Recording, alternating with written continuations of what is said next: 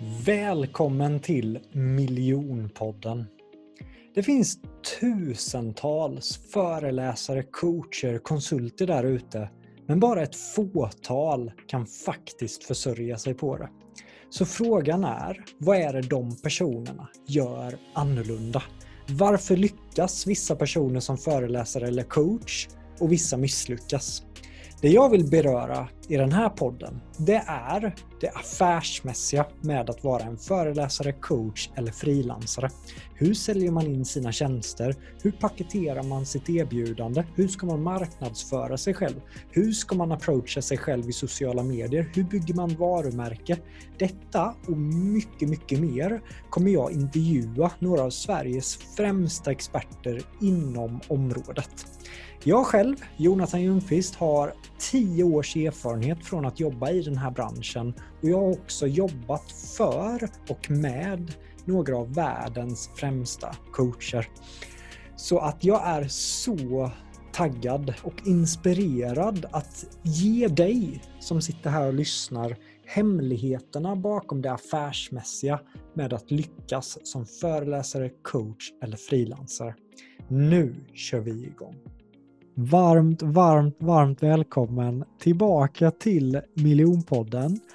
Och idag sitter jag här med Jesper Silvanius som är en framtida megastjärna i poddvärlden. Han har precis startat upp Ledarskapsutforskarpodden där han utforskar ledarskap ur så många olika aspekter som möjligt. Han har ju själv en otrolig bakgrund som ledare. Det här är hans absoluta favoritämne och nu blir han poddare. Eh, så att jag har fått eh, varit med på ett litet hörn under Jespers eh, resa. Och en grej som vi har snackat mycket om är ju men hur, hur faktiskt gör man en podcast lönsam? För jag och Fredrik pratar ju mycket om så startar du en podd och gör podden framgångsrik men det finns ju tusentals poddar i Sverige idag. Min podd är väldigt lönsam för att jag har nyttjat väldigt mycket strategier eh, som faktiskt inte innefattar det vanliga med betalda samarbeten och hela rubbet utan jag har gjort det på, på olika sätt Eh, så idag kommer Jesper att få intervjua mig hur man gör en podcast lönsam Eh, och helt enkelt så kommer jag ge tips och råd hur, hur Jesper kan tänka kring sin podd. Så jag kommer inte bara prata om vad jag har gjort utan vi kommer sätta det i, i Jespers skor också. Så att eh, det kommer vara mer eller mindre så att det blir Jesper sen som, som leder intervjun. Eh, så det här är jag väldigt taggad på. Välkommen till Miljonpodden Jesper. Tack, tack så jättemycket. Det här eh, är en ära och ska bli jätteroligt att få vara med och prata om just det här som ligger mig väldigt nära hjärtat. Och det mest intressanta var att jag hade inte sett det här, utan det var ju när vi pratade i miljonkursen som du på något vis lockade fram det här ur mig. Jag bara, men det här är ju så självklart, det är det här jag vill göra. Och det är här jag vill liksom få fram min produkt genom det här mediet. Jag menar, jag har sänt radio, jag har jobbat som DJ, jag har gjort massa sådana saker. Så att det här är ju min naturliga ställe att vara. Kanske inte lika naturligt att stå på en scen och andra delar, men just det här, det här är naturliga för mig och det är då man ska, det är där man ska fokusera och sälja sin produkt. Och jag tycker bara det du säger här är spännande för att när vet man att man är på rätt spår? Jag tycker att jag såg det på dig när vi pratar om din podd och, och vad det skulle kunna bli och, och de delarna. Det var som att hela du började glöda, du började le, du började skratta. Och när man känner den energin, då vet man att man är på rätt, eh, rätt väg. Eller vad känner du kopplat till att veta om man är på rätt väg eller inte? Ja, men verkligen så. Att just när man får den här, nästan så det reser sig lite på håren, på armarna och sådana saker, då är det ja, då är det något speciellt. Det är, det är då det är rätt väg. Och, och det är ju så, man är som relativt ny i den här delen av världen så, så blir det liksom att man provar ju på, testar och ser olika varianter skulle jag säga, för att också ta reda på vad är det som ja, får mina hår att resa sig på och inte det som alla andra kanske säger att ja, men det här ska man göra för det här har jag gjort eller liknande. Det är också det här, ja, många som coachar pratar om att så här har jag gjort, det borde fungera för dig också. Eh, men det kanske inte riktigt är så. Eller vad säger du Jonathan? Nej, men, men verkligen, utan det gäller att hitta, hitta sin grej, hitta sin glöd, hitta sin riktning och sen testa sig fram. Det vet jag att jag sa, jag tror jag sa det till dig Jesper, att ja, men innan du slår på stora trumman, testa tio avsnitt. Hur känns det? Är det roligt? Går andra igång på det? För att jag tror att många, de flesta poddar görs det ju under fem avsnitt på, sen läggs de ner. Men det behöver ju vara någon form, tycker jag i alla fall, ekonomisk vinning i när du ska lägga så mycket tid på en podcast. Hur kan du också göra business på det? Jag, jag tror det finns en väldigt liten kunskap om hur man gör det som jag är väldigt taggad på att djupdyka i, i med dig idag Jesper. Ja, ja men det är precis samma jag upplevde också som vi hade en dialog om. Eh, just det här, många bara poddar och mm. sen så är det ingenting mer och det försvinner efter en kort stund och det ja, finns många anledningar. Men det finns ju en väldig möjlighet att göra. Och, Verkligen. Mm. Vad, och, ja förlåt, kör du. Jag ska inte bryta dig. jo, men eh, om man ska gå rakt på sak då, höll jag på att säga, men vi har ju pratat om det här då med podcast för försäljning, men om du skulle liksom börja ge mig råd, vad skulle kunna vara de viktigaste grejerna som jag bör tänka på nu? Nu har jag ju två avsnitt lanserade, jag har spelat in fem avsnitt och så vidare och, och liksom för att ta det vidare. Vad tror du är viktigt? Eller, mm. eller viktigt, säga, vad är fördelarna ja, nu, med dem? Nu hoppar du verkligen in. Jag har ju en fråga innan du får ställa den frågan. Vad, vad handlar okay. din podd om Jesper? Vad, vad, vad är din podd? Min podd, ja men den handlar ju om ledarskapet och olika aspekter på ledarskapet som du var inne på. Och jag har ju liksom en, en dröm och det är ju att hitta en ledare på Papua Guinea och få intervjua honom eller henne. Jag tror nog mest att det är en honom i och för sig. Och se hur de har jobbat med sitt ledarskap, men även åka över till USA och intervjua ledare där borta och höra hur de jobbar med sitt ledarskap. Och sen då också hur de jobbar det med kanske när de kommer till Sverige, om de har haft den aspekten där också. Eh, även hur ledarskapet fungerar i det familjära. Eh, för det är ju ett ledarskap att vara förälder också. Och hur man på något vis går i olika miljöer med sitt ledarskap. Och det är de här bitarna som verkligen, att gräva djupt och prata mer om ledarskapet, kanske inte mycket hur ledarna har lyckats och varför de har lyckats med, på grund av att de sover mycket och sådana saker, utan mera vad är det i ledarskapet som de har funnit som blir en succé för dem? Och vad mm. de då kan dela med sig av erfarenheter, både ja, misslyckanden och även lyckanden i sitt ledarskap. Så det är det som podden ska handla om. Och ju fler jag pratar med och ju mer jag blir så engagerad när jag pratar om det. Och sen alla jag pratar med när man är på mingel och man är på sådana saker, alla blir så här, wow, det här är ju det här är någonting nytt, det här vill vi verkligen höra om. För det är oftast, skulle jag säga, många av de här poddarna som är, pratar man olika, ja, hur folk har gjort eh, med sin sömn och med, ja, jag kommer tillbaka till det här, men det är väldigt mycket prat om hur man i det personliga gjort, men jag vill höra hur, hur liksom ledarskapet har gjort, hur de har prövat sig fram kanske, eller hur de har lärt sig, ja, och så vidare. Det är det jag vilket, vill få fram. Eh, vilket problem löser din podd för andra ledare?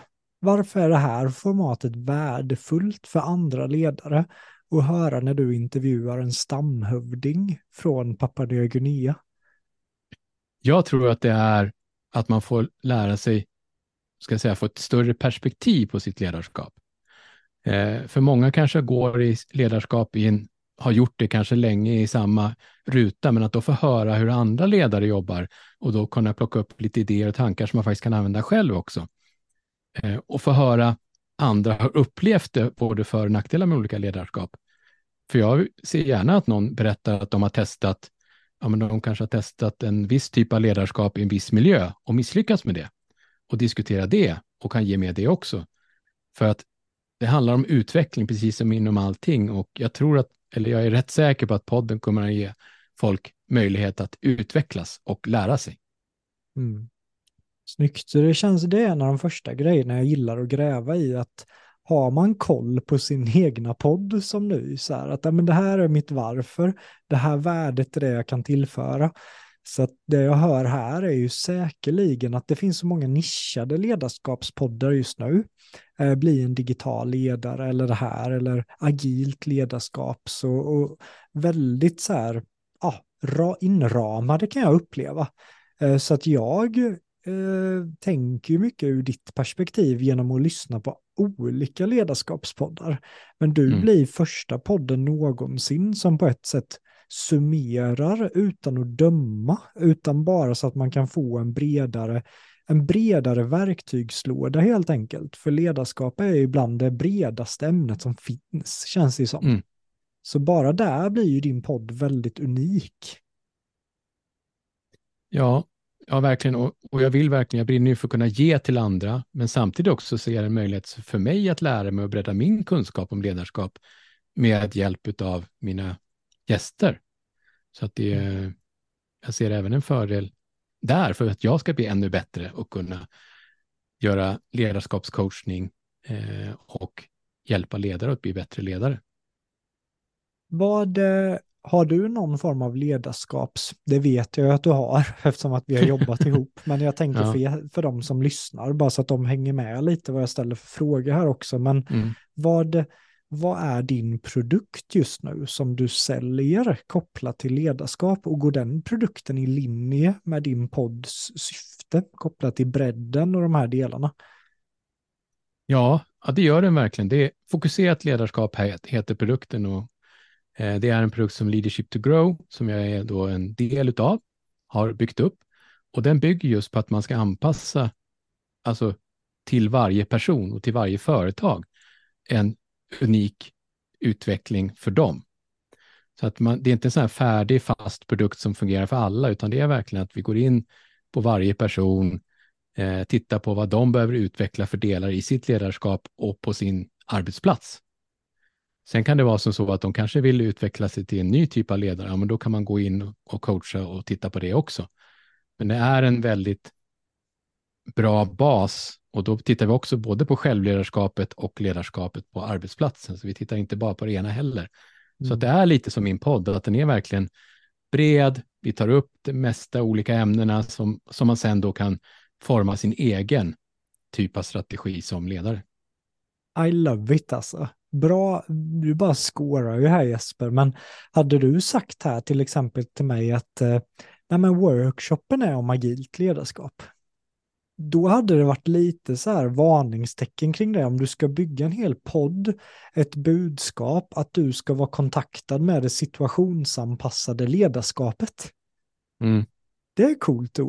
Använder du det ordet, det situationsanpassade ledarskapet?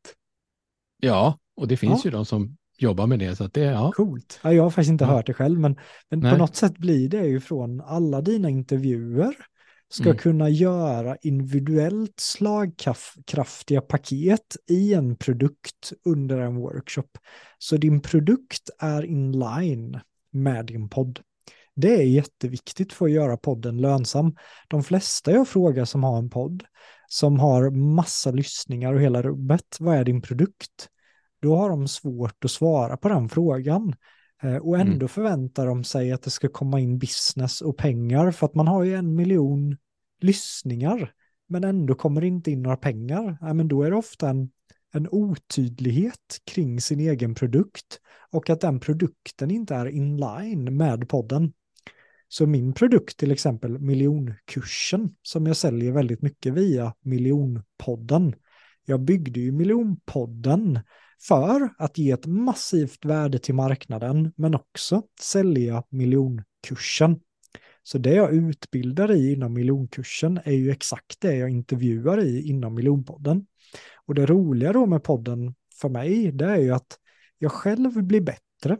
Det kommer du också bli av att intervjua, vilket ja. är jättebra. Eh, man får fantastiska relationer av att intervjua andra. Som jag då föreläsare, coacher, jättestor del av mitt nätverk nu har kommit via podden. Mm. Eh, och framförallt, jag äger en plattform där jag kan pitcha min egna kurs hur jag vill. Vilket också är otroligt givande. Men det är för att de är inline med varandra. Dyker upp några frågetecken för dig där Jesper? Nej, det känns så självklart de här bitarna. Eh, men samtidigt så det som dyker upp är ju att när man har lyssnat på många poddar som jag också har gjort för att liksom skapa mig kunskap och sådana saker, så är det just det här att ja, det är det man har fått på de flesta ställen. Man har fått ny kunskap, men det har inte funnits någon så här information om, ja, men om du vill veta mera eller om du, vill, om du tycker att det här låter bra. Här kan du, alltså just som du är inne på, att det inte funnits någon naturlig säljdel. Eller så har det varit precis tvärtom, att det har varit så här väldigt mycket sälj, sälj, sälj, sälj. och ja, men köp min bok så får du veta mer. Ja, men lite nästan det stuket eh, mitt i podden. Och man bara, jaha, men vänta nu här. så det blir konstigt sälj istället. Så att det antingen ska jag säga att det är inget sälj alls, eller så är det väldigt överdrivet mycket sälj. Mm. Det verkar få som hittar den här snygga balansen som, ja, jag måste säga att du har ju verkligen hittat en bra, snygg balans där. Så ja, det... men, eh, stort tack. Jag, jag försökte också tänka på att de första avsnitten jag gör så vill jag inte vara alls säljig överhuvudtaget. Och jag, eh, det är ganska sällan du hör mig i miljonpodden sitta och råpitcha miljonkursen. Utan jag har ju tänkt på olika saker med att ja, men jag intervjuar Niklas Aronsson som nästa år gör 50 föreläsningar. Eh, och han mm. sitter och hänvisar all sin framgång egentligen till miljonkursen och hookkursen och mig och Erik. Det, det blir ju svårt att inte få det avsnittet väldigt, väldigt säljande med tanke mm. på hans resultat. Mm. Men, men det är sällan jag gör så här skarpt riktade pitchar, vilket jag kanske kommer göra mer och mer sen. Men första avsnitten var egentligen bara fokus på värde, så att lyssnarna inte skulle känna överhuvudtaget att det var säljande. Sen att jag råkade intervjua Alexandra Engvall rakt i farten, så det var kanske därför du till och med kom till mig Jesper, jag vet inte, men avsnittet med Alexandra Engvall heter ju så gör du en miljon ett år efter att du gör debut som föreläsare och coach, för hon gjorde ju det efter miljonkursen. Men det var inte mm. riktigt, uh, det avsnittet släpptes och det började sälja jättemycket platser och där fick jag nog ett epiphany av hur, hur stark den sortens sälj är i en podd. Uh, och innan det hade jag också sett när jag jobbade med David Phillips och han var med i Framgångspodden första gången. Och herregud vad det sålde kursplatser eh, i framgångspodden till wow-kursen. Och det coola med när David var med hos Pärleros var att David var så tydlig med sin produkt att han gav så enormt mycket värde.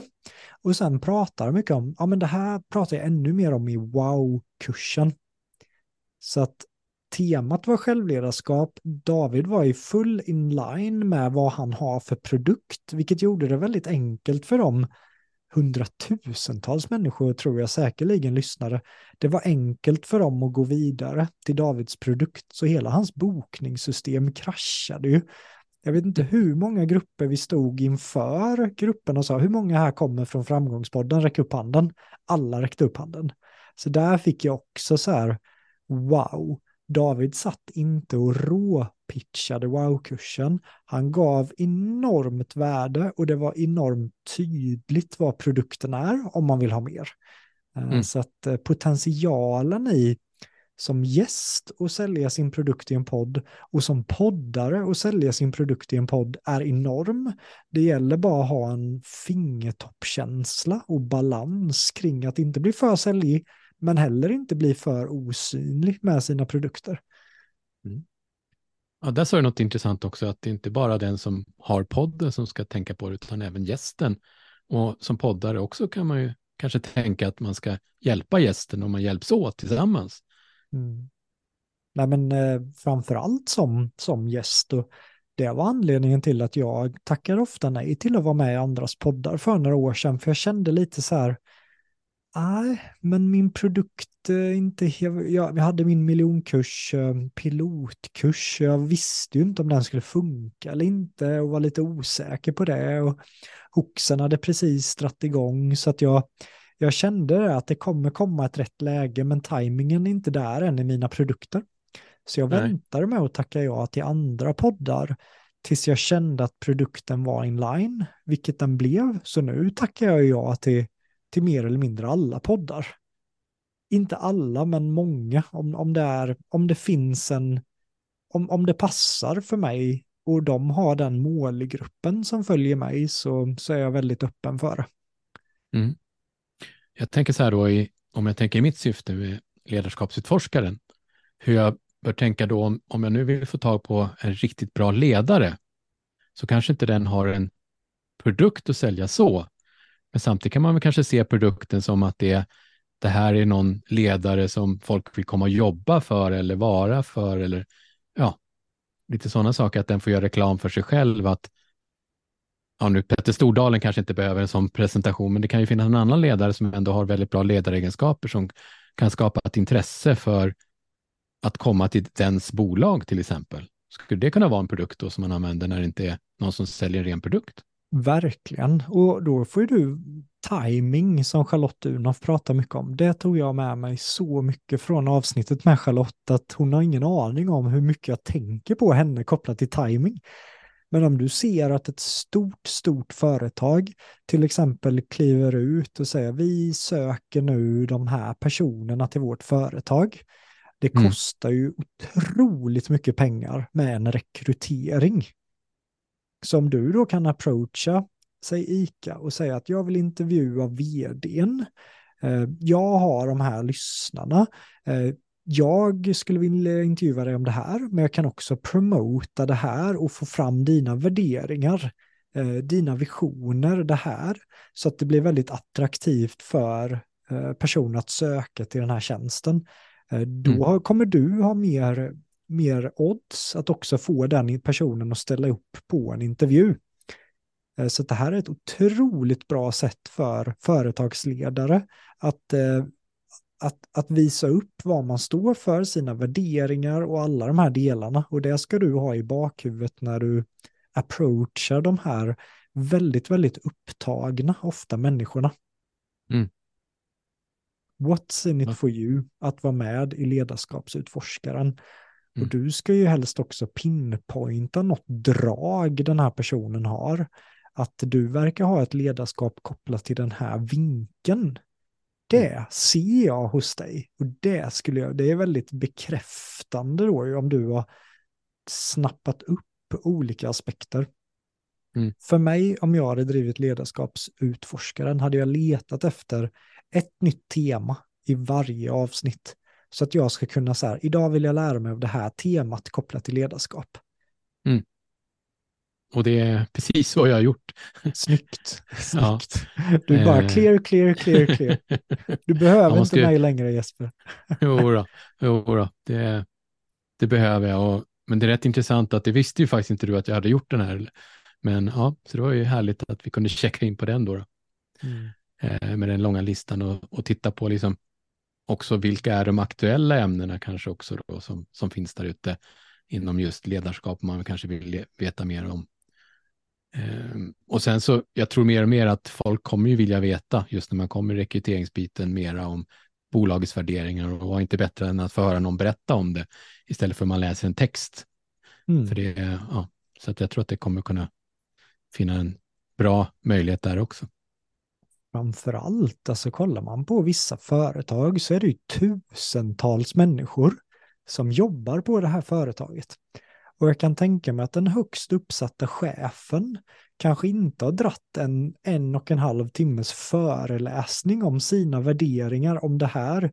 Så att bara vinningen i att medarbetare förstår sig på sin ledares visioner, story, mm. alla de här delarna kommer ju gynna hela företaget framför allt också. Plus du kanske får tusentals lyssningar med. Ja, ja, vilken härlig kombo. Mm. Ja. ja, om vi då ska komma in till den frågan som jag ställde förut, som vi lämnade lite då, just det här med, vi har varit inne lite på fördelar med att använda podd som för, till försäljning. Mm. Eh, och det är ju relationsskapande vi varit inne på. Mm. Eh, vad tror du om förtroende och expertis och sådana saker som är en stor del att bygga upp när man är coach, skulle jag vilja säga. Kan det hjälpa till att bygga upp någonting sånt i en podcast? Så verkligen, du, eftersom att folk kommer lyssna på dig och varje vecka, eller jag vet inte hur många avsnitt du har tänkt släppa, men desto mer man hör hur mycket du gräver i ledarskapet och gräver i det situationsanpassade ledarskapet. Det hade jag varit noga med för dig som podd att försöka särskilja dig verkligen från ordet ledarskap till någonting annat. Utforskaren, situationsanpassade mm. ledarskapet. Det kommer vara viktigt för det är så pass, så pass brett. Men mm. efter ett år, när man har hört dig då intervjua och man fattar också din bakgrund i ledarskapet, du är coach, du har en produkt, det kommer skapa massivt förtroende för, för dig som person. Vilket mm. gör att när du sen släpper dina och lanserar dina kurser och hela rubbet och man, man har lyssnat och man har en relation med dig, det kommer gynna dig väldigt mycket i, i affärerna. Eh, men mm. det är viktigt att ha tålamod.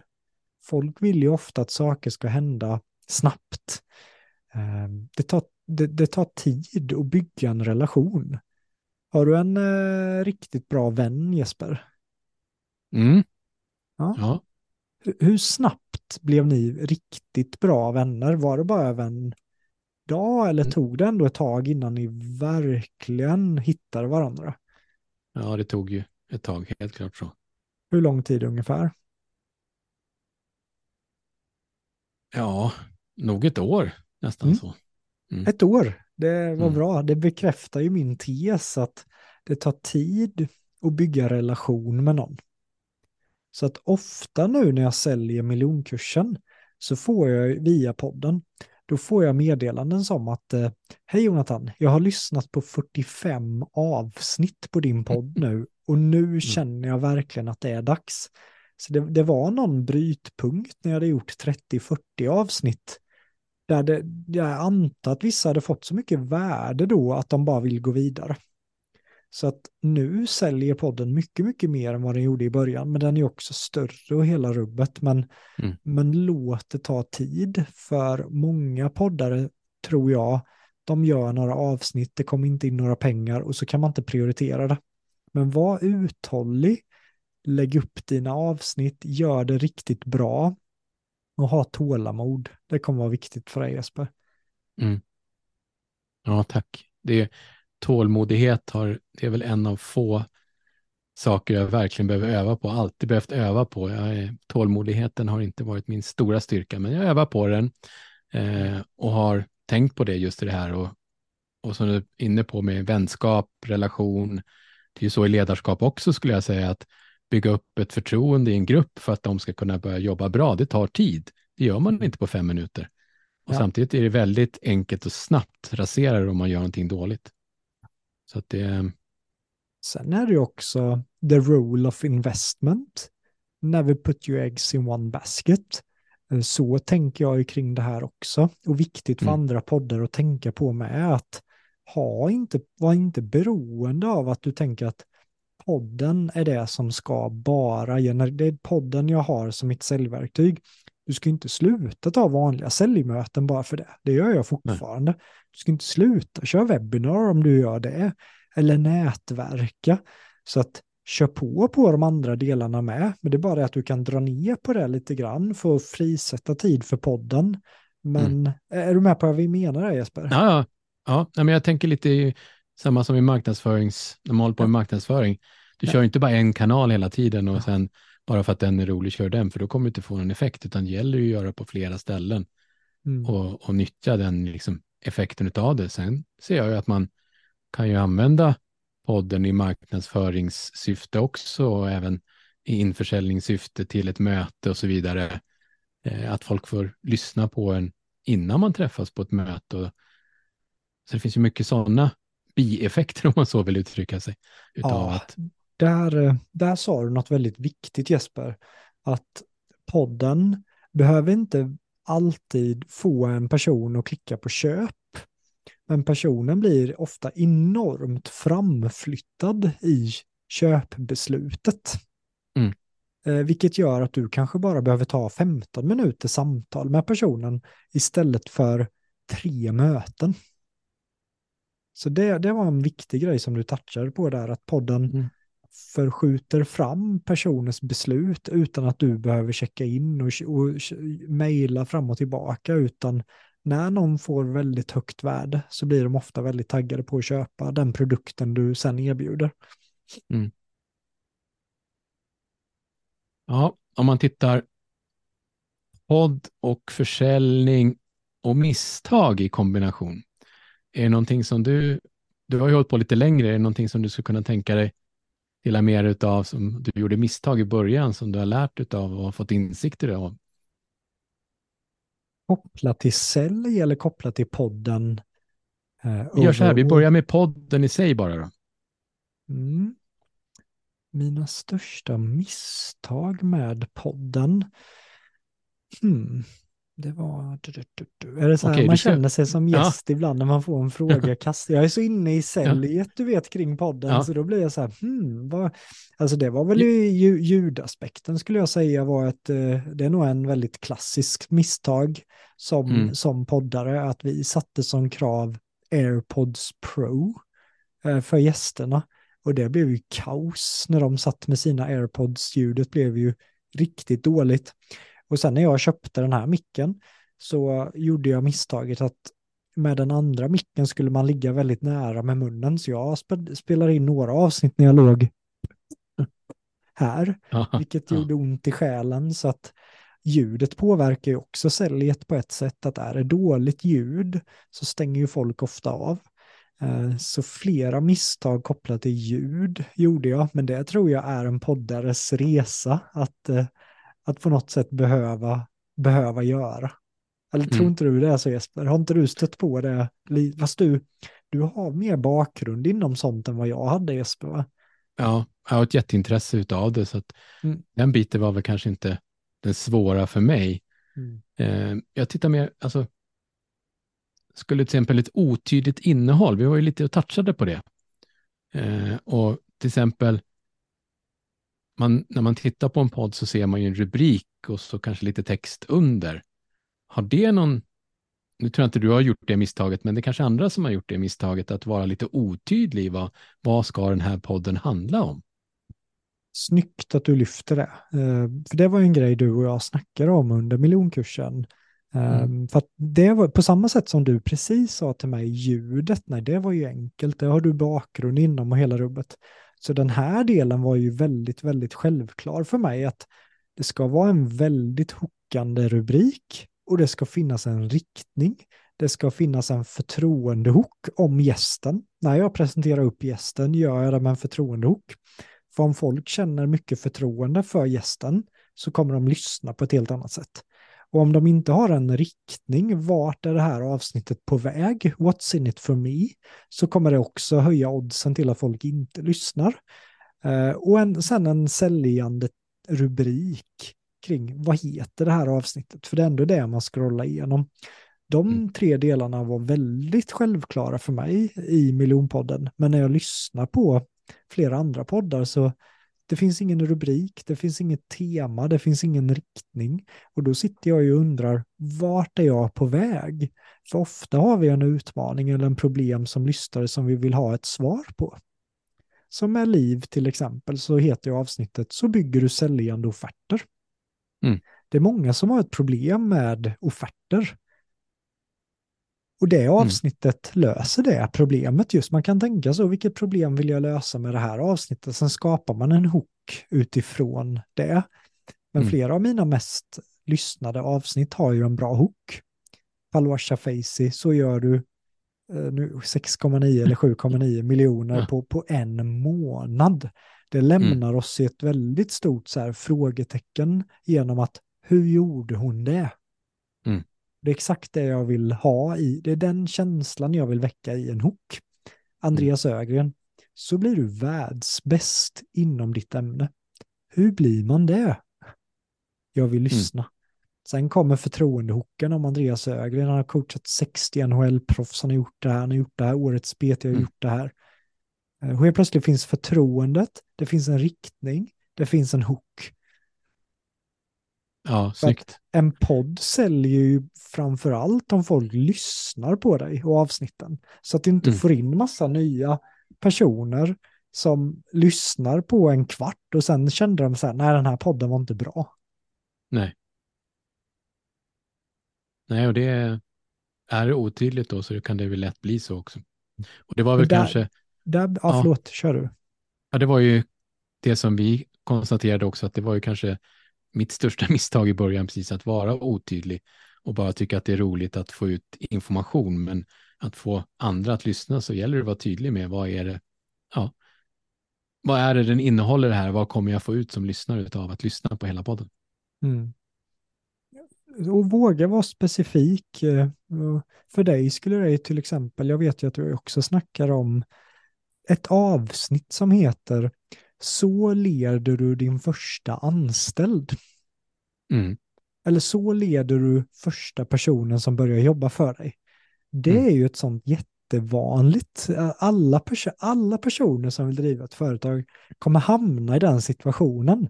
Vad ska man ha koll på? Då skulle din hook kunna bli så här, Jesper. Idag så ska jag toucha på hur du kan ta hand om din första person som du anställer. Hur ska du skriva ett eh, avtal med den här personen?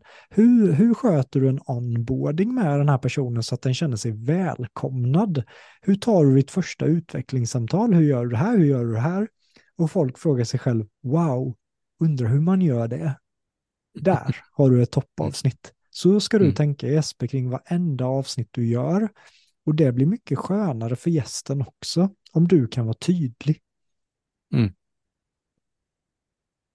Ja, ja, verkligen. Vad får sen, du för reflektioner här, Jesper? Ja, jag fick massa reflektioner på en podd som jag ville göra. eh, och det skapar ju skapar energi och, och, lite så har jag gjort nu efter de första, att jag skickar ut eh, ja, en liten agenda vad jag vill prata om och vad liksom huvudfokus ska vara. Men även fråga gästen då vad de vill ta upp på det här ämnet så att de får gå igång lite grann på att börja prata liksom, i sin hjärna på det här så att de är lite förberedda också inför själva avsnittet. Mm. Eh, utan att då egentligen gå specifikt in på allting, men att man i alla fall får en, en eh, ska man säga, en förhands eh, tanke inför mm. poddavsnittet så att det inte är otydligt för gästen heller. Ja. För det är också viktigt också att de vet vad ämnet ska handla om. Mm. Och vad man ska prata och men om. Det, på tal om misstag, jag tycker inte att jag var lika tydlig mot gästerna i början som jag är idag. Mm. Uh, med den tydligheten vad jag vill att avsnittet, vilken, vilken riktning ska avsnittet leda i? Som idag till mm. exempel, hur gör man en podd hur säljer man via en podd? Det är den riktningen vi har. Mm. Och sen hade vi säkert kunnat varit ännu mer förberedda. Vi hade tagit möte, vi hade kunnat gjort hur mycket som helst. Men, men man får fråga sig själv vilket, vilka förutsättningar har jag för det? Eh, och just mm. nu har jag väldigt lite tid att förkovra mig i dem. Så länge jag har min riktning så får det vara bättre än, än inget. Helt enkelt. Ja, och spontaniteten i podden tycker jag ska finnas kvar ändå, för det skapar intressanta samtal, så det får inte vara mm. för förberett heller, tycker jag. Det, det är min syn vad, på. Eh, vad heter ditt andra avsnitt nu Jesper? ja, nu tog du mig på, verkligen, det borde jag ju faktiskt ha kunnat. Det har ju med det snälla ledarskapet att göra. Eh, kan man vara, nej nu står det still i mitt huvud, det kan man vara snäll och samtidigt leda. Ja, jag tycker det är en kommer... jättebra titel Jesper. Kan, ja. kan verkligen, jag, tror, jag tror många känner sig träffade där, att man ser mm. sig själva som antingen för snälla eller för onda. Och på ett sätt snackade, jag var ju med och gästade din podd, eh, som du inte har släppt ännu, men vi snackade om det här med att ha, ha hjärtat, men inte för mycket mycket åt det hållet och heller inte för mycket åt det här peka med handen utan att en mellanting mellan det. Eh, mm. Sen om du ska kalla det snäll, eh, det vet jag faktiskt inte. Ehm, ordet Nej, vi tog snäll. Just, men vi tog det av en liten anledning för att just snäll har många en så här uppfattning om att det är lika med mesigt. Så det är för att, men ändå har folk en uppfattning om ordet snäll och ledarskap. Så för mm. att väcka liksom ett intresse där valde vi ordet snäll, eller valde mm. jag ordet snäll. Så att det var medvetet val att välja just det ordet för att det triggar folk. Och jag tror att det hoppas att det ska trigga till att gå in och lyssna på det. Eh, för det är Ja, det, vi har en bra dialog om det hela. Och eh, mm, vi ska inte avslöja hela podden nu, men det, det kommer mycket bra tips om, om hur man kan jobba med sitt ledarskap på ett härligt sätt och få ett tillit i gruppen och få folk att växa och med att vara snäll. Mm.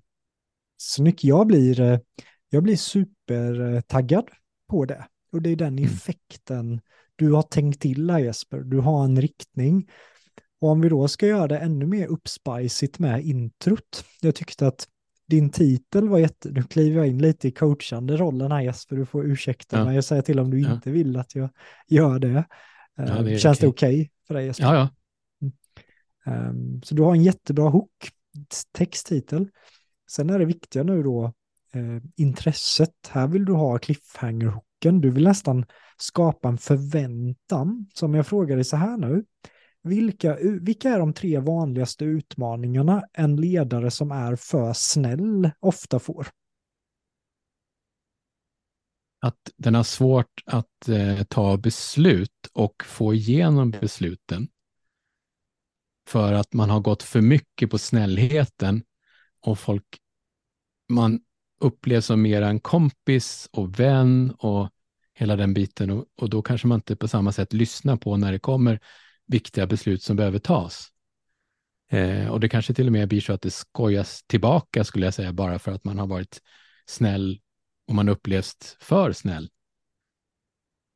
Det är nog den, jag tänker i beteendevetenskap också, för det var det vi vinklade det hela med, med beteendevetenskap. För Cosette som är med här utbildar sig inom beteendevetenskap, så att det var eh, men jag tror det och jag tror att det är många ledare som kanske tänker att nej, men jag vill vara kompis med dem jag leder. Eh, och att det är ett bra sätt om man ska vara väldigt buddy med dem. Men att skruva på den kranen snäll, precis som mycket annat om man tänker i ljud, ljudaspekten, om du skruvar upp för hög volym på en bra låt, så låter ju den dåligt. Mm. Och samma sak är om du skruvar på det snälla för mycket, då blir det inget bra heller, utan då blir det att du inte, man kommer inte när det behövs eh, möjlighet att ta, eller möjligheten att när man ska ta, nu vart det mycket sludder på tungan, när man ska ta beslut som är viktiga och kanske, kanske livsviktiga. Jag tänker på, man kanske är på en segelbåt, man, nu är det extrema fall, men om, om folk inte lyssnar på en där när man tar beslutet, för man har skapat en tillitsbaserat och man har skapat en snäll stämning och sådana saker där folk kan utvecklas, då kommer det ju inte fungera, för då helt plötsligt har du en bom i huvudet. Samma sak kan vara om du klättrar upp ett berg också, eller i det ja. militära. Ja, att... men du, du är spot on. Eh, ja. Det finns ett jätteproblem med det här. Under mm. ert poddavsnitt kommer ni fram till en lösning på det här problemet, Jesper?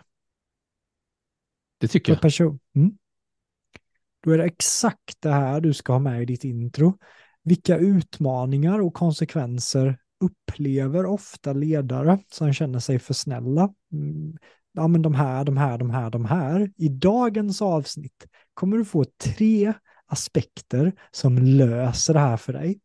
Mm. Sen kommer förtroendehoken Jesper. Tre saker som bygger förtroende för gästen som hette Cosette. Cosette. Eh, säg tre saker som gör att han har mandat för att prata Hon. om det här ämnet. Hon, förlåt. förlåt. Ja, eh, och en är ju att hon har jobbat som mentor hon har startat bolag, rätt många olika bolag och varit ledare i bolagen. Hon eh, har läst beteendevetenskap. Och ja, nej, men jag skulle säga att de är väl de tre, tre stora grejerna. Mm. Här och, behöver vi vara mycket mer specifika Jesper i dina intros. Ja. Eh, ja, det... här, vem, vem har hon varit mentor för? Hur många? Okej, okay, ja. Som du svarar på den frågan. Ja, den kan jag inte svara på. Jag vet inte hur okay. många. Jag vet ett antal vet jag, men säg att det är runt tio stycken som hon har varit med. Jag vet inte exakt mer än så. Varför har du en väldig respekt för henne? Det är just för, för beteendevetenskapsbakgrunden och sen att hon har då startat igång en massa olika typer av bolag eh, och startupper eh, och visat på ett, ett ledarskap som har fungerat genom det snälla ledarskapet och hon har fått med sig folk.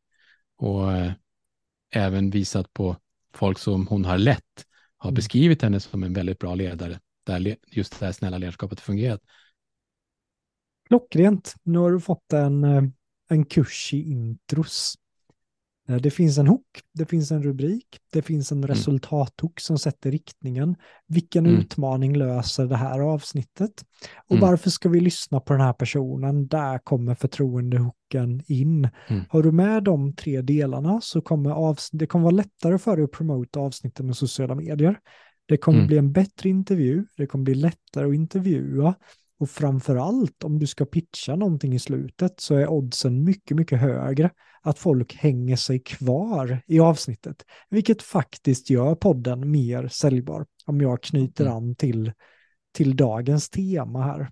Vad, Mm. vad känner du kring detta Jesper? Tycker du att jag är ute och cyklar eller hur, hur känns det att få det här nu?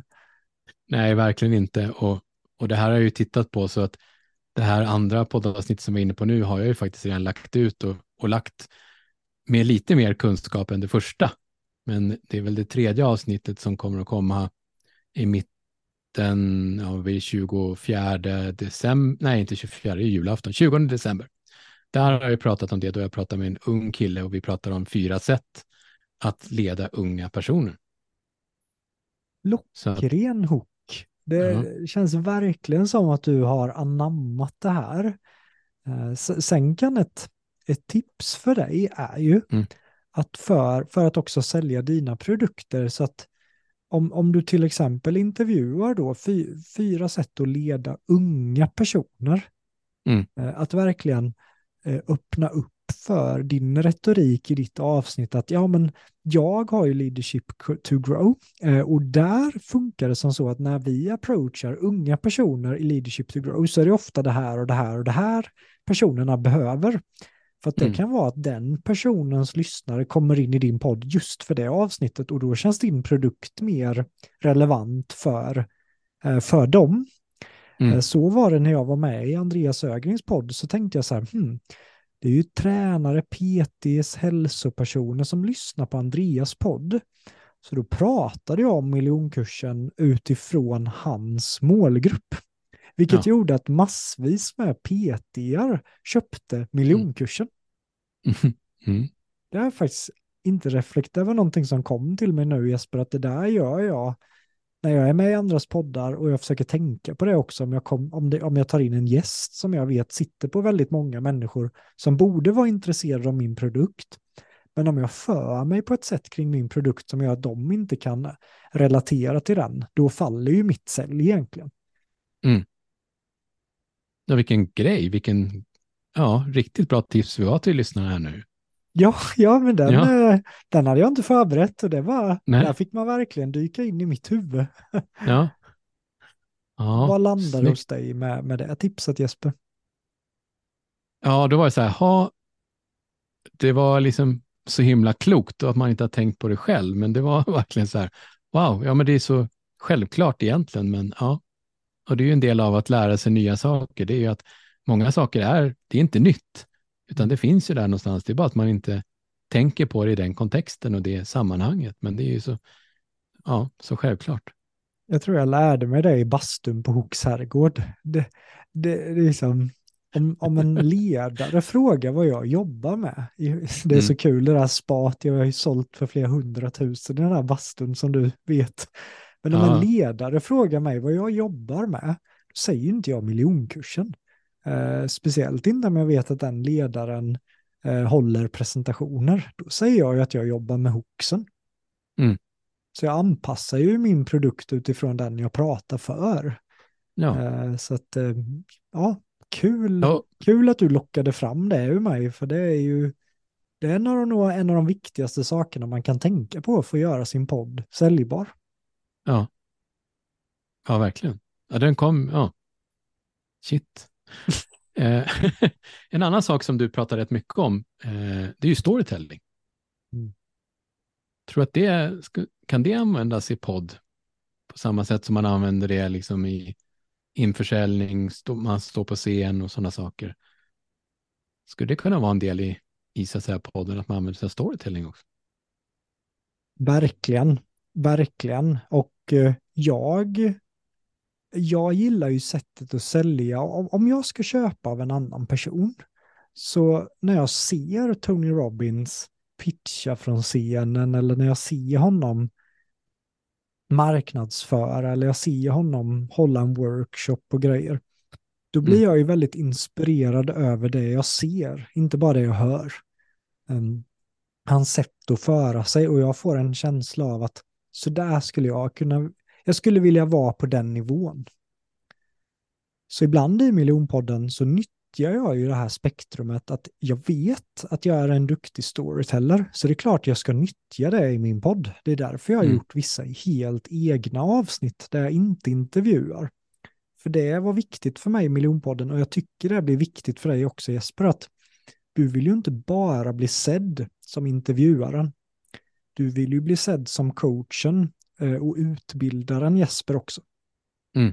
Därav är det bra att bryta in med sådana här egna avsnitt med storytelling och man berättar och låter andra personer intervjua och våga ta plats i sin egen podd. Men mm. storytelling är ett sätt som gör att jag, jag slänger ofta in det för att det får den här effekten att folk hör av sig och säger så där vill jag kunna berätta en story och sen köper de kursen. Mm. Så jag använder det jättemycket och jag lockar in folk i storytelling också. Ofta när man ställer frågan att ja men eh, hur var det? Eh, och då kanske folk svarar nej men det var bra. Eh, men då gillar jag ju så här, men detaljer, vad hände? Mm.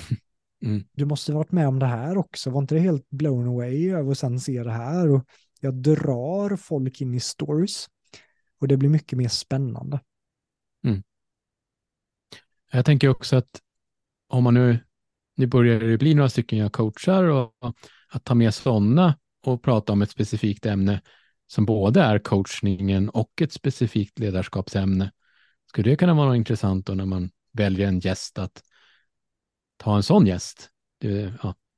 Att jag har coachat Nisse under nio månader och sen så har man liksom ett avsnitt då som, som handlar om det och hur de har upplevt coachningen och hur de tar sig vidare därifrån nu. Ja, så länge det, det, är balansen bara. Det är ju exakt så jag gör många avsnitt.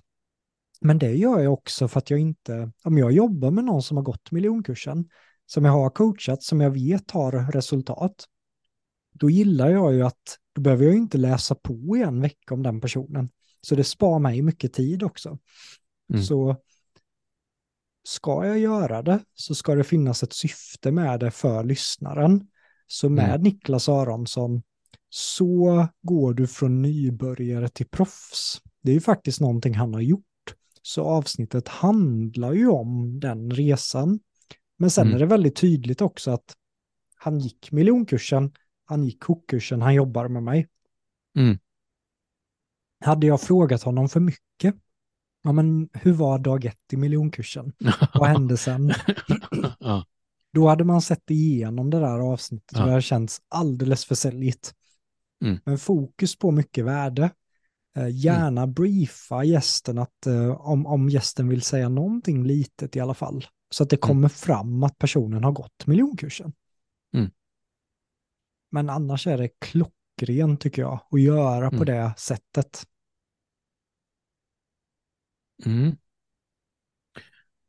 Vi var lite inne på det, men att använda podcasten till olika saker. Men om man tittar i marknadsföringssyfte, mm. vad har din tankar där som en del? Vi har pratat lite produkt, vi har pratat lite sälj. Mm. Eh, och det var ju sälj vi skulle prata i huvudsak, men kan man använda den i marknadsföringsbiten också? Ja, men du når ju, eh, du når ju ofta gästens lyssnare, vilket gör podden väldigt stark i marknadsföringssyftet. Och det blev för mig mycket lättare, för att innan podden var det så här, oh, vad ska jag posta om idag? Men mm. med podden blir det så enkelt att mm, jag promotar det här avsnittet, ger lite värde eh, och sen eh, lägger upp en film eller något inlägg om det avsnittet och drar folk till podden. Så podden är dit jag vill få folk att börja lyssna på podden. För lyssnar folk på 20-30 avsnitt, så om, om de inte köper mina kurser så köper de ju ofta mina vänners kurser. Och det känns Mm. kul för mig att kunna stötta gästerna i Miljonpodden. Och jag är väldigt glad över när folk säger till mig, tack vare att jag var med i Miljonpodden så fick jag de här nya säljen. Det är ju svinkul. Mm. Ja, ja men det, jag förstår dig. Jag känner samma sak. att Jag har ju fått lite feedback redan nu på bara få avsnitt över liksom, folk har varit glada och faktiskt fått sälj via Therese. Ja, vi diskuterade det, men vi tror att det kan ha varit ett sälj tack vare att hon och jag satt och pratade. Så, att, ja. Snyggt alltså. eh, så redan där, eller det hjälpte till i alla fall kan jag ju säga, för det var, hade hört podden och sen ja, fått ett förtroende för henne och så, ja, Mm. så de nämnde att de hade hört henne i podden Mm. när de kontaktade henne.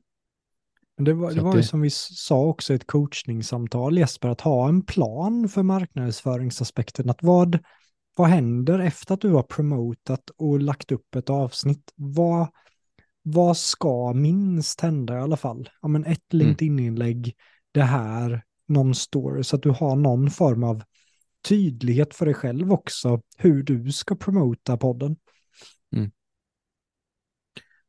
Om vi tittar lite analyser då, så tittar vi podd i USA som säljverktyg. Känns det som att det är en rätt stor grej i USA, eller har jag helt missat det hela, men det känns så.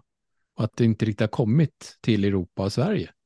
Ja, alltså podd, jo men poddande är ju, det är ju väldigt populärt och när jag snackar om miljonpodden så var det många som sa det är en mätt marknad, det är svårt och det är konkurrens och det finns extremt många poddar. Men så länge man hittar sin vinkel på det eh, och hittar sina teman och riktningar. Och sen är det ju också så att det finns, hundra, finns hundratals ledarskapsföreläsare eh, som Mm. alla pratar om ungefär samma saker. Men du kanske har fastnat för någon, jag fastnar för någon. Vi fastnar ju för folks energier också. Mm. det ska man ha med sig som poddar att eh, vissa personer gillar en lugn energi, vissa gillar en väldigt tempo, vissa gillar dialekter. Alla de faktorerna påverkar ju också ens podd.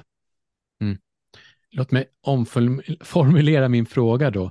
Just att använda podd som säljverktyg. Mm. Tror Ja, jag är ja. mer vanligt i USA än vad det har blivit i Sverige ännu. Hur tänker du då? Alltså just att strategiskt sälja, så som jag egentligen Ja. gör, att jag strategiskt tänker på att sälja mina produkter via podden utan Ja, att det ska på ett uppfattas. naturligt- ja. Alltså, både ja och nej. Ehm, jag lyssnar ju mycket på Tim Ferry, jo i och för sig, han, han är ju väldigt mycket business också. Han drar in rejält med pengar på sina avsnitt och det var mycket reklam sist ju. Han hade ju mer det här traditionella Athletic Greens, Mm. så han pitchade Athletic Greens hela tiden i avsnittet på ett sätt. Så att eh, mm, de, de ligger säkerligen som med allt på, på framkant i att sälja via sina poddar. De, Mm. de verkar ta för sig lite mer. Jag gör ju mer indirekt, lite lalala. Eh, svenskar är väl lite mer Mm. känsliga mot det här aggressiva säljet än vad amerikanarna är. Där är det så normaliserat. Eller vad, vad Ja, tror verkligen. du Jesper? Ja, nej, men jag tror det. det. Skulle man köra rakt av det amerikanska stuket, då tror jag folk skulle sluta lyssna i Sverige. jag tror det så. med. Ja, Eh, Och där blir det livsfarligt om man har bara amerikanska mentorer som säger åt en att pitcha så här, garanti och, hela rubbet. Mm. Så gör man det på den svenska marknaden och då blir det fel. Mm. Återigen kommer vi tillbaka till situationsanpassade. ja.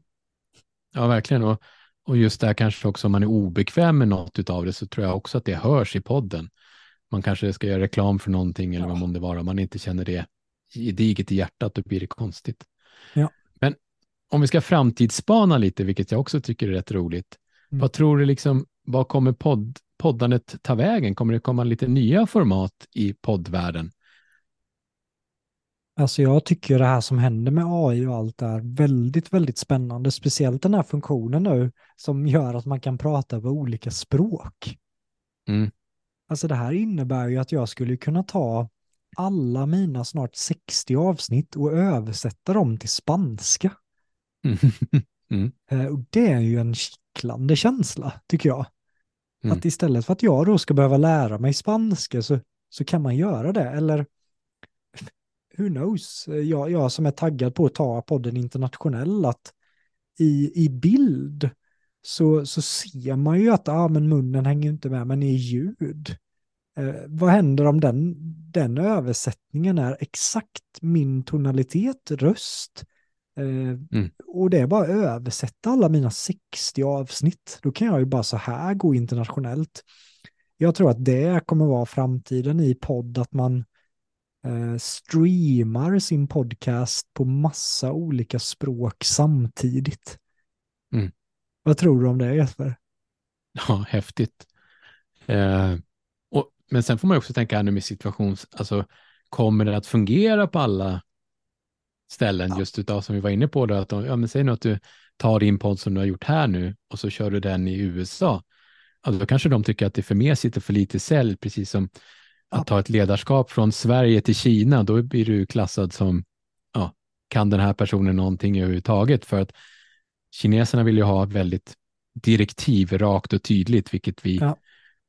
Så att det där bör man ju också Jä- tänka på. Jättebra, jättebra reflektion. Och säkert så kanske det kommer funka för vissa men andra inte. Det, det coola med USA och men, men vad händer om en procent av Kina faktiskt gillar din podd? Du sticker ju i topplistan deluxe alltså. ja. Så jag Ja. tror aldrig man kommer kunna göra alla belåtna, men istället för att inte synas alls i de här länderna, för jag skulle ju aldrig orka lära mig eh, spanska eller tyska, eller, men, men det kanske är några tusen personer i Tyskland som faktiskt resonerar med det jag säger.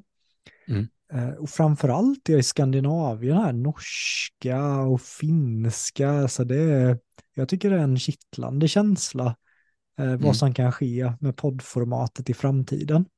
Mm. Sen är jag också nyfiken på så här om, om det man säger idag, hur länge det kommer vara relevant. Eh, Mm. För menar, det finns AI-säljare nu som säljer bilar utan mänsklig kontakt och hur, hur länge kommer vi ens behöva pitcha de här delarna? Mm. Det var en som sa till mig nyligen att ah, men jag hade inte knappt någon idé att jag ens bli coach och föreläsare nu för snart kommer ändå AI ta över. Och det är ju för mig ändå att ja, men det vet vi ju inte helt och vi vet inte om det kommer ta 10 år eller 20 år innan det tar över och det finns väldigt mycket att hämta under den tiden istället för att leva i en ovisshet och sätta sin Mm. dröm på paus. Så jag, jag gillade inte riktigt det, det resonemanget. Nej, jag ser ju en möjlighet att kunna automatisera och kanske generera annonser och segmentera målgrupper. Alltså sådana saker kan man ju använda AI till att hjälpa till och få en hjälpreda. Mm. Eh, om man ska samla in stor data för att liksom få en första utkast som man sen kan jobba med och sådana saker. Så så ser jag AI som ett stort, stort hjälpmedel. Det jag tänker på i podcastformat eller kan ju vara mera livepoddar kanske. Att man Mm. eh, och ha flera gäster. Du testade väl att ha, ni var tre gäster var här som du har testat Jajamän. på. Ett, Ja. ja. Nu är inte det avsnittet släppt ännu, va? Men, men ändå. Eh, det är också sådana saker och kanske till och med jag har tänkt så här, typ frågepanel i poddformat och att man kanske låter det sitta några som frågar ut fyra experter. Eh, Och jag menar, det, det är ju bara kreativiteten som sätter gränser. Ja. Det är vä- väldigt viktigt för dig, så här, vilk- vilka format vill jag podda på? Du intervjuar, du kan live-coacha, lite så som Mm. jag gör med dig idag, att här får man också lära känna mig som coach. Eh, Och det är Mm. kanske vissa som inte gillar vissa gillar det. Du Mm. kan göra egna avsnitt, så att ta dig bort från intervjuaren för Mm. att också sälja dina produkter och bli sedd som en föreläsare och coach. Mm. Men en viktig grej här nu Jesper, Mm. till dig som intervjuare, kopplat till dagens tema, så gör du podden säljbar. Du ställde ju precis en fråga till mig nu som tog mig lite off track på temat eh, hur säljer du med en podcast? Vilket gör att Mm. hade jag inte var själv varit eh, medveten om det här så hade jag kanske bara fot, jag hade fortsatt i en annan riktning nu än vad temat är. Det var ett misstag jag gjorde i början, att jag, jag satte en riktning och sen började jag fråga andra saker och sen tappade vi den röda tråden. Mm. Hur känner du att du kan komma tillbaka? Du frågar mig om framtiden. Eh, hur känner du att du kan nu komma tillbaka till avsnittets tema? Ja, det är ju ställa då en fråga som rör just sälj igen och podcasten. Precis. Um, det mm. hade du kunnat gjort ju. Hur, hur kan man sälja med det? Lalala. Eh, mm. Då, då hade du hållit dig till din röda tråd. Mm. Så så brukar jag tänka i poddavsnitten att den frågan jag ställer nu matchar det avsnittets tema. Sen kan det absolut vara frågor man ibland, men, men då ska man kunna komma tillbaka till, till ämnet och inte tappa mm. spektrumet, för då kan lyssnarna bli irriterade. Hur, hur tas den eh, emot Jesper? Ja, men det, det är ju så sant som du säger, som det så vackert heter. Och, men det är lätt ibland att man liksom blir så intresserad av en del av ämnet som man kan flyta iväg lite grann. Absolut. Eh, och kanske borra lite djupare. Så det är ja, bra tanke att ha med sig. Att, ja, vad var fokusämnet idag? Ja. Fokusera på det, kom tillbaka till det, även om det här är jätteintressant, men det rör ju faktiskt inte då Ja. Eh, här har jag ju till och med som... pausat vissa gäster som bränner av och då har jag verkligen bara grymt eh, och sen bara knuffat dem in i riktningen igen. Mm. För om du, om du inte bemästrar det kommer du tappa lyssnare. För då har du mm. gett dem ett löfte i början som du sen inte håller. Så då mm. sviker du lyssnaren. Om, om den, nu, nu gör du inte det med en fråga, jag vill bara det här ja, är en viktig grej för många andra. Det är många poddare tror jag som kommer lyssna på det här ämnet och därav lyfter jag det. Mm. Och då tänker jag så här, vi då, ska ju tillbaka in till försäljningen. Och det jag tänkte på, finns det, har du sett några bra mätverktyg? För många som jobbar med sälj vill ju gärna kunna mäta och return of investment och så vidare. Och du pratade just om det här att många upplever att de lägger ner massa tid och energi och, och pengar också för den delen, men känner att inte de får en å, å, återbäring eller återbetalning på det hela. Eh, har du några tips där som man kan ge på hur man liksom kan mäta och se att det verkligen ger någon, så man kan till exempel se att ett poddavsnitt, ja men det gav mm. mer eller mindre, har liksom, ja. Det har varit en lång fråga. Men... Ju, här finns det ju väldigt många olika system för sådana här delar. Men det vi har gjort med miljonkursen, det är ju så här, man ansöker till miljonkursen och sen har vi en fråga i ansökningsformuläret. Vem eller vad fick dig att ansöka till miljonkursen? Mm. Och då är det så många som skriver miljonpodden där. Och då vet jag att ah, den kom från podden, den kom från podden eh, och den kom därifrån. Mm. Eh, kollar man på hur Kane som jag intervjuade, Daniel Wood, eh, Tigran, de är väldigt duktiga på så här, länkar och, och sådana delar som kan tracka. Mm. Jag promotade mycket Tigrans kurs under min podd, för jag ville det. Mm. och då, då hade vi en länk bara för att se vad, vad blev effekten av det. Så då hade han ju mm. sitt system, så det finns ju väldigt många sådana här system.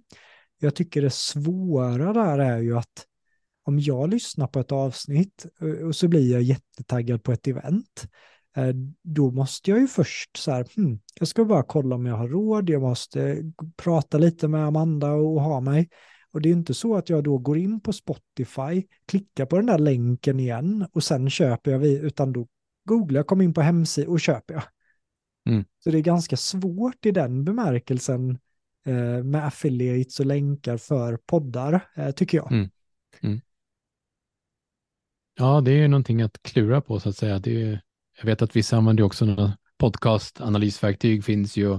Det finns ju vissa plattformar också där du kan bygga din podcast och få liksom därifrån en viss eh, information också och hur mycket folk har lyssnat på och de har gått vidare på hemsidan och sådana saker. det finns ju verktyg, men det är, ja, det är inte så enkelt, tycker inte jag heller ännu.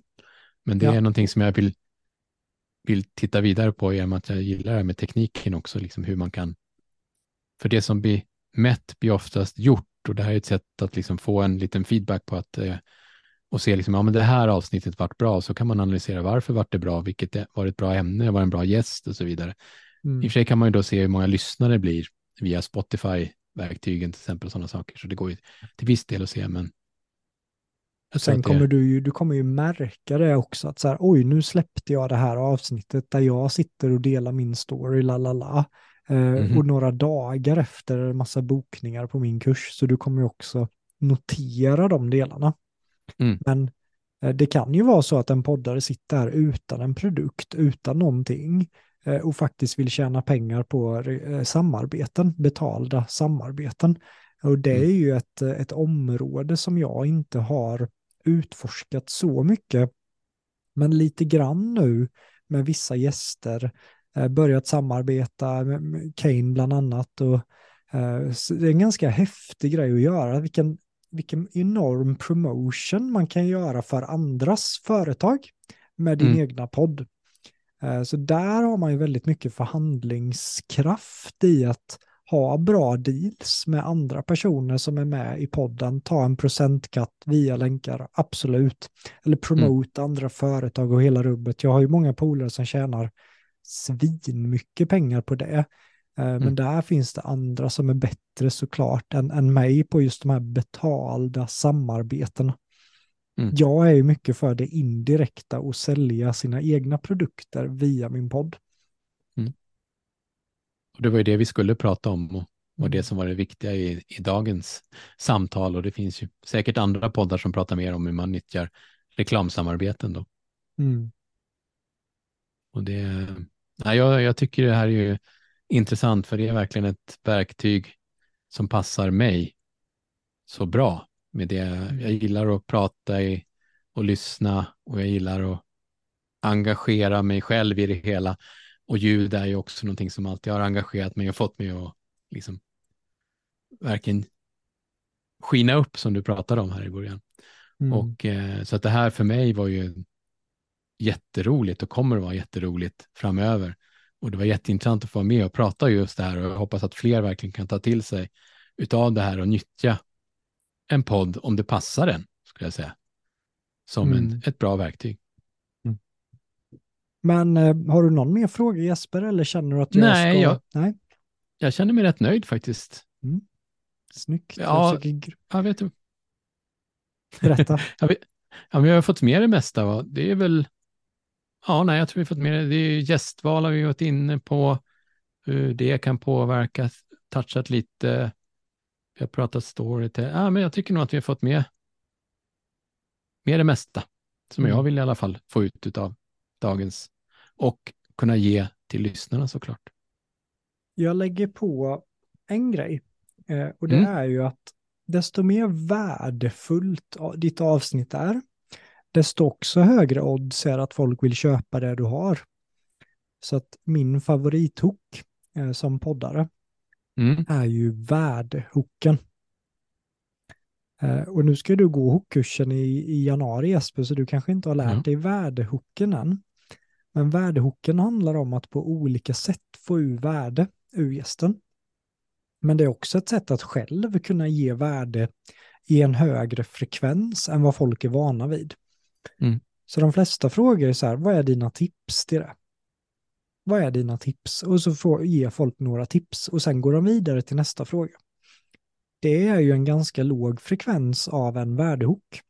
Men att också då ställa frågan som du faktiskt gjorde till mig Jesper, att ah, men vad är dina misstag kopplat till det här? Mm. Det blir ju väldigt värdefullt också. Att få höra, vad har någon gjort för misstag? Eh, I miljonpodden så har du säkert sett mig eh, gå in i att gästen börjar coacha mig. Mm. Det är ett sätt för mig att få gästen i sitt esse. Eh, så gjorde jag, tror jag, när jag var med i, i din podd med, där jag sa att jag har det här problemet. Mm. Hur tycker du att jag ska tänka här Jesper? Jag fick precis feedback här. Direkt när jag gjorde det här, jag tänker inte på det här längre, utan det här bara är i mitt sätt att se till att hålla värdefrekvensen uppe. Men mm. när jag ställer den frågan till dig, då slappnar du av, du kliver in i din roll. Jag får mm. fram dig som coach Eh, och då ökar värdeaspekten. Så våga ge dina gäster space och coacha dig. Var mm. sen inte rädd för att coacha dem tillbaka. Det är väldigt, väldigt värdefullt. Mm. Sen, rätt snygg avslutning också. Eller ja, du har precis. någonting mer? Ja, men den sista är less is more i värdehooken. Att fokusera nu när du, nu gillar jag när du sa fyra sätt att leda unga istället för 200 sätt att leda unga. Mm. Hellre att du fokuserar på några kärnpunkter in, i intervjun som du repeterar, du kommer tillbaka till. Uh, för folk kommer inte komma ihåg om det är för många tips. Nej. Och då kanske podden också blir lite för lång och så orkar folk inte lyssna hela vägen heller. Ja. Mm. Ett år från idag Jesper, hur, vad har hänt med din podd då? Nu går vi snart in i 2024. Nu ska du köra på med din podd. Ett år från idag, vad är ledarskapsutforskaren då? December 2025. Nej, december 2024 blir det, just det. På väg in i 2025. Eh, jag har ju tänkt att ha 24 avsnitt som huvudavsnitt. Och sen så är tanken att jag på vägen kommer att ha lite bonusavsnitt. Så eh, någonstans där runt 30 avsnitt har det väl blivit då. Eh, och jag har fått till två stycken ledare eh, som jobbar på riktigt stora bolag ja, typ i storlek med Ica eller Strawberry eller liknande. Då, Eh, så att det är de, så är det då och jag känner mig, nej, jag kommer att ha väldigt mycket förfrågningar av ledare som vill få ut sitt budskap med hjälp av mig. Så att eh, där är jag med ledarskapsutforskarpodden. Mm. Och det skulle du också kunna som sagt ta betalt för sen. Desto mer din podd växer mm. Eh, och du kan erbjuda det mm, utöver dina produkter så mm. har du en god affärsmöjlighet där också. Mm. Snyggt ja. Jesper, det har varit en, eh, har du haft det kul i miljonpodden? Ja, jag har haft det jätteroligt. Ja, fantastiskt. Är det något sista ja. du vill skicka med kopplat till din podd? något avsnitt du, du gärna ser att man lyssnar extra på. Um, ordet är ditt. Ordet är mitt. Ja, eh, vi har inte gjort så många, jag har inte gjort så många avsnitt ännu. Så att, eh, men det jag gärna vill skicka med mig är att lyssna och ge mig, skicka gärna feedback till mig. Mm. Eh, på vad man tyckte om avsnittet, om man tyckte att det lite som vi har varit inne på här nu, att vi har svävat iväg kanske ämnena. Eh, eller om man nu har fått någonting positivt med sig som man kan lära sig mer. mer. Alltså både ja, positiv, negativ feedback, allt tar jag jättegärna emot för att jag ska kunna bli bättre. Så, eh, och LinkedIn är ett jättebra ställe att få kontakt med mig på. Och bara skriv en rad, två eller tre rader, någonting bara så att jag får feedback, för det kan hjälpa mig att utvecklas och bli ännu bättre och ge ett ännu bättre, eller ännu bättre produkt till lyssnarna. Mm. Snyggt Jesper. Och du är ju en, en otroligt skicklig intervjuare. Du har en väldigt behaglig röst, du har ett lugn, du har temat, du har riktningen. Jag tycker du har så många faktorer som gör att ledarskapsutforskarpodden kommer att bli väldigt stor.